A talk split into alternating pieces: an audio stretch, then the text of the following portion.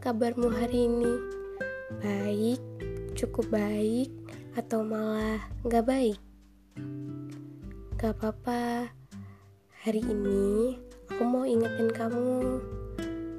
Iya, kamu, kamu gak perlu menjadi orang lain, dan kamu juga gak perlu selalu menuruti apa yang orang lain minta.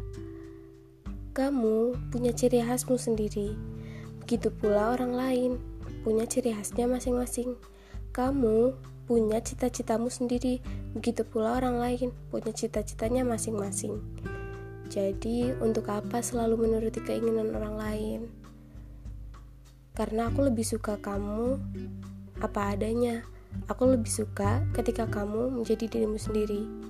Dan kalau boleh bilang, aku mencintaimu Aku mencintai keadaanmu, apa pun itu. Terima kasih.